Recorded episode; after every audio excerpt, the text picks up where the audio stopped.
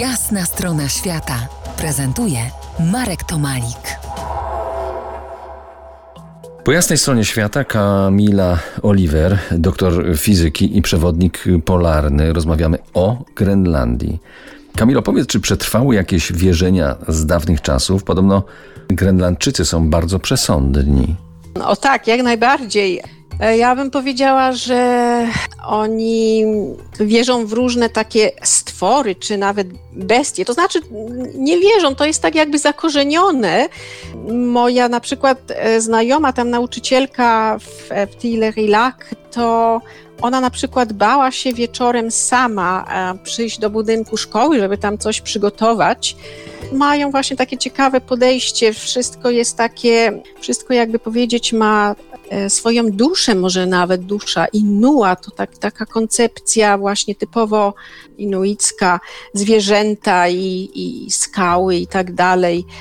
Czyli Ma demonologia, byśmy powiedzieli, to coś, Coś co... w tym tak, kierunku, coś, co na pewno. było wśród tak, Słowian dawno e, temu. Ja bym powiedziała, że właśnie zauważyłam, że dzieci faszeruje się, jakby to powiedzieć, takimi e, strasznymi bajkami o, o różnych właśnie stworach, bestiach, e, walkach. Ale to ma głębokie uzasadnienie, bo, bo to jest oswajanie właśnie strachu, także to chyba nie jest aż takie złe.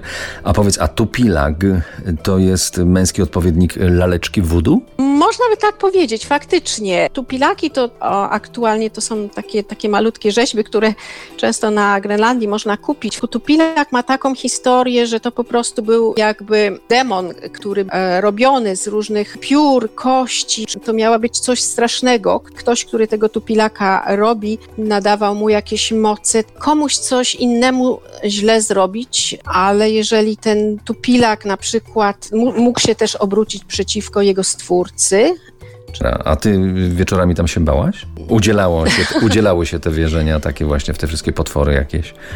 No, potwory może nie, ale, ale faktycznie, że no, żyjąc w takiej osadzie, to żeby wyjść na przykład z domu, powiedzmy w zimie, kiedy faktycznie jest większość dnia ciemno, no to trzeba się rozejrzeć wokół, czy gdzieś e, nie jest tu powiedzmy parę metrów e, za mną, czy gdzieś niedźwiedź polarny, bo tak właśnie takie przypadki były dwukrotnie.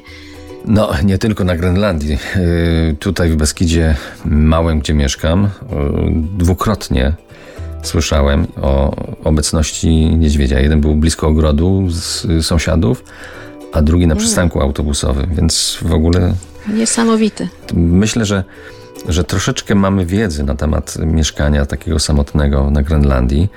Mm, Przypomnę, moim i waszym gościem była Kamila Oliver, doktor fizyki. Sercem z Poznania pracowała jako fizyk jądrowy w elektrowni atomowej w RPA i Finlandii. No a podróżniczo miłośniczka zimna i obszarów polarnych, szczególnie właśnie Grenlandii. Dziękuję Ci tutaj za Twój czas dla nas. Dziękuję bardzo, Marek. To była Jasna strona świata w RMF Classic.